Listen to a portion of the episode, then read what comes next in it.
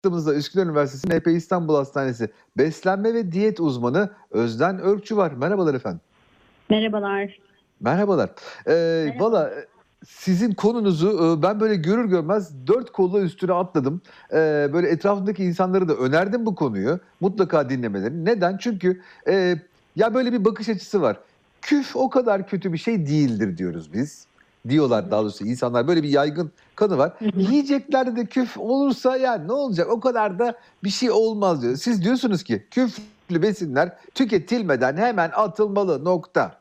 Şimdi bu iki bakış açısı arasındaki farkı ben sizin gibi uzmandan alabilmeyi çok isterim efendim. Hı hı. Ee, e, özellikle şu son zamanlarda artan gıda fiyatlarıyla beraber e, bizim de gördüğümüz bir küflü bölge ya da bir yiyecek, bir besin, meyve olur, sebze olur artık neyse gördüğümüz anda bunu hani bir kısmını alıp attıktan sonra tüketme eğilimine giriyoruz. Ben diyorum ki böyle olacaksa e, bunu tamamen atın. Bunun yerine daha e, temkinli tedbirler alın diyorum.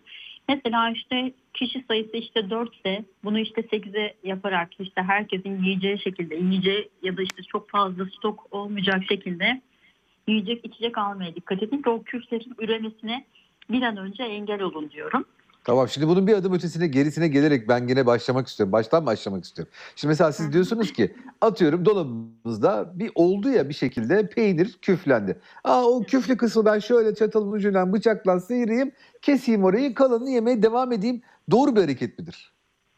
Ee, aslında hayır. Ee, biz şunu söylüyoruz. Hani küflerin öyle bir yapısı var ki biz zannediyoruz ki orada renk değişimi oldu. Küf orada bitiyor. Onu aldıktan sonra. Ha rengi aldıktan sonra o tamam tertemiz oldu ondan sonra sanıyoruz. Evet.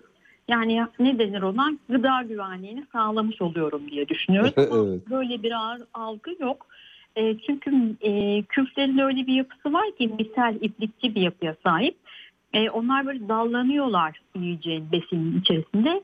E, bizim göremediğimiz noktalara kadar ilerliyorlar ve burada toksinlerini de bırakabiliyorlar. Hı hı.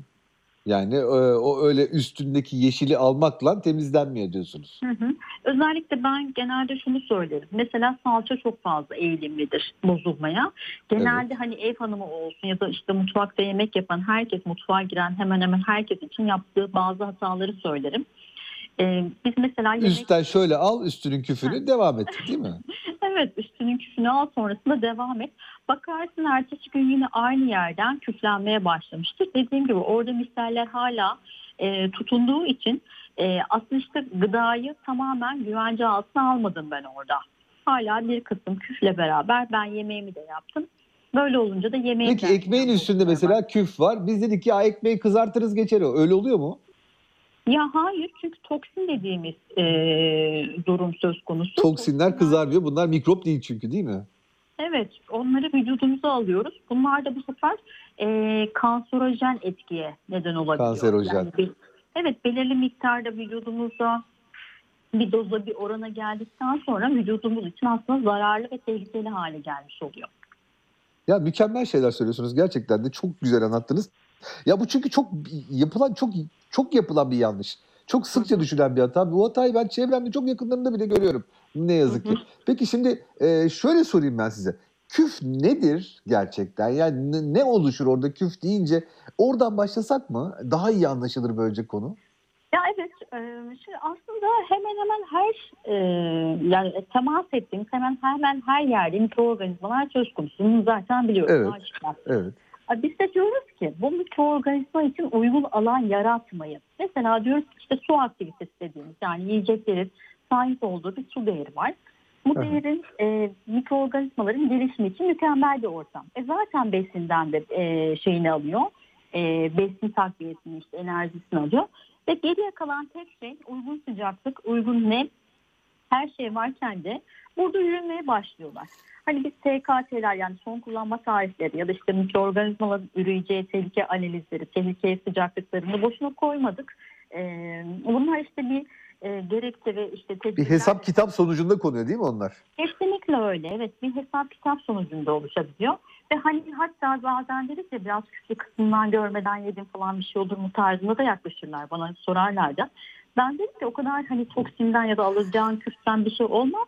Bunun miktarı da önemli. Mesela işte alfa-toksin dediğimiz bir e, algı var. Bunlar daha çok işte uygun depolanmayan, e, ortamlarda oluşan e, yine işte küflerin ortaya çıkardığı bir takım toksinler.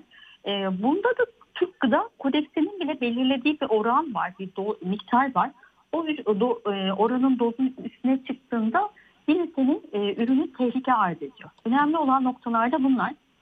Dediğim gibi işte uygun ortamı yarattım, uygun sıcaklığı, uygun nemi verdim. Burada da mikroorganizma artık üremeye başlıyor. Peki o zaman size şöyle bir soru sorayım. Daha doğrusu bir tamlama vereyim size. Siz onun altını doldurun. Küflü peynir. Hı hı. Evet. Yani küflü peynir bir, bir şey çünkü yani e, hani yenen bir şey. İnsanlar o küfü üstüne getirtebilmek için çaba gösteriyorlar peyniri. Çok doğru. Evet. Mesela özellikle işte e, Erzurum, Kars, yanlışım varsa düzeltin. O bölgelerde daha çok hani görürüz. Mesela göğersin. Evet, evet. E, bu tabirler var hani kimi zaman tabii ben de yedim. Tadı lezzeti biraz daha aroması daha güzel. E, ama biz burada da yine tekrar e, uyarıda bulunuyoruz. Mesela penisilin alerjisi olanlar küflü peyniri yerken bir tık daha dikkat etsin diyoruz. Çünkü zaten orada bir alerjenlik söz konusu. Böyle bir ürünü yersen zaten sana orada hani e, acilik olabilirsin. Bunlara dikkat edin diyoruz. Yine tekrar mevzuat gereğince altını çizdiğimiz noktalar bu toksin miktarı ya da işte orada üretilen miktarın üzerine çıktığı zaman yine bende tehlike arz ediyor. Hmm, anladım. Yani e, işte şey dikkat etmek lazım kesinlikle. Bir de bu e, küflerin bir sürü çeşitleri vardır muhtemelen ama şimdi bana insanlar şunu soruyorlar. E, yani hangi çeşit küf acaba yararlıdır? Hangi çeşit küf zararlıdır? Daha yeşil olanları mı almalıyız? Daha sarıya kaçanları mı? Arkadaş yani bu, bu şeylere girmesek mi acaba polemiklere diyorum ben. Genelde bilmiyorum siz ne önerirsiniz? Yani bizim aslında evet bu hani yeşil e, mesela peynirde özellikle hani tercih ediliyor gibi e, bir izlenim var. Ama baktığım zaman dediğim gibi ben de keza şimdi ben bunu alıyorum ama hani illa tüketmem gerekmiyor ki zaten biliyorum ben bunun bir zararlı bir mikroorganizmaya dönüşeceğini. Hani Evet. böyle bir zararlı bir şeyin de vücuduma alıp e, ekstradan işte ne bileyim DNA hasarına uğratmasına ekstradan bir yatkınlığım varsa ne bileyim kanserojen bir e, mutajenlere uy- uy- yani uygulanmasına ya da böyle bir şeye yol açmasını istemem. E tabii ne olabilir? İşte küflü peyniri tüketmek istiyorsan bir pazar kahvaltısında bunu tercih edebilirim ama sürekli bunlara da maruz kalmama taraftarıyım. Ki görmediğimiz işte bir dönem e, bilirsiniz. Yani küflü peynir bile olsa çok yememek lazım diyorsunuz değil mi? Kesinlikle öyle. Baharatlarda özellikle çok fazla vardı. Alfa toksin oranına bakın. Alfa toksin oranına dikkat edilmiyor diye gıda güvenliği çok tehlikeli diye bas bas bas. Medyada da çok bu yankı uyandırmıştı.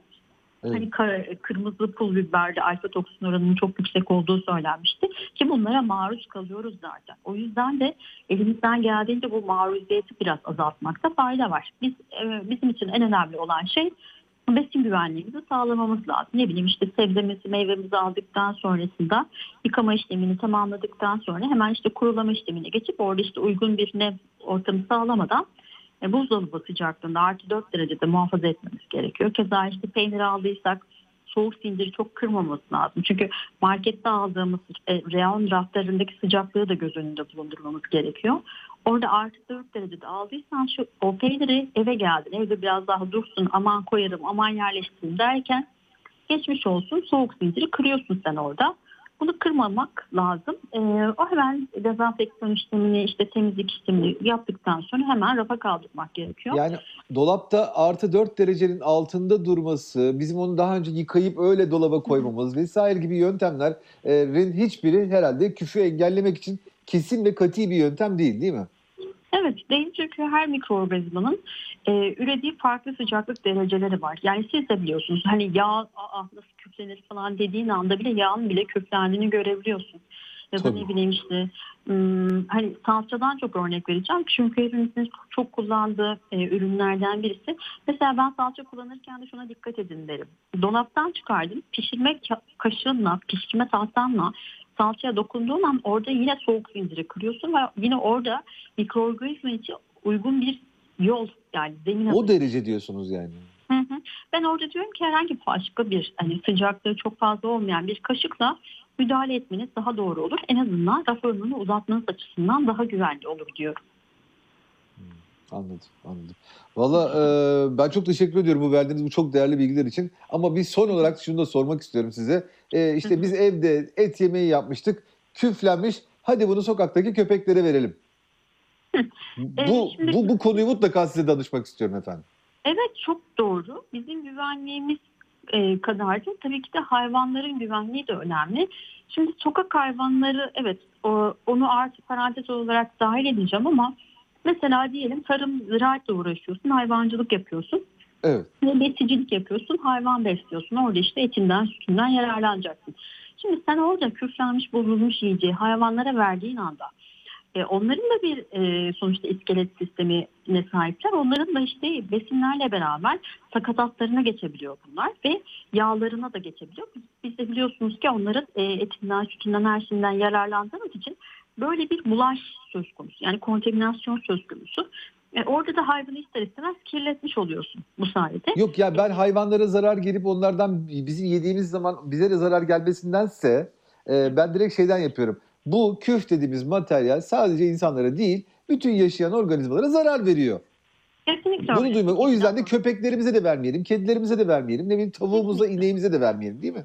Hayır katiyen yani. Niye veriyoruz ki sonuçta onlar da bir canlı ve onların Ay, e, evet muhafazasından da biz sorumluyuz. Hani ziyan olmasın köpeklere verelim diye bir laf var ya sinir oluyorum ben buna. Evet yani. Ya artığa bir şey diyemem. Çünkü atıyorum ben de şey e, artık ve israftan yana çok karşıyım.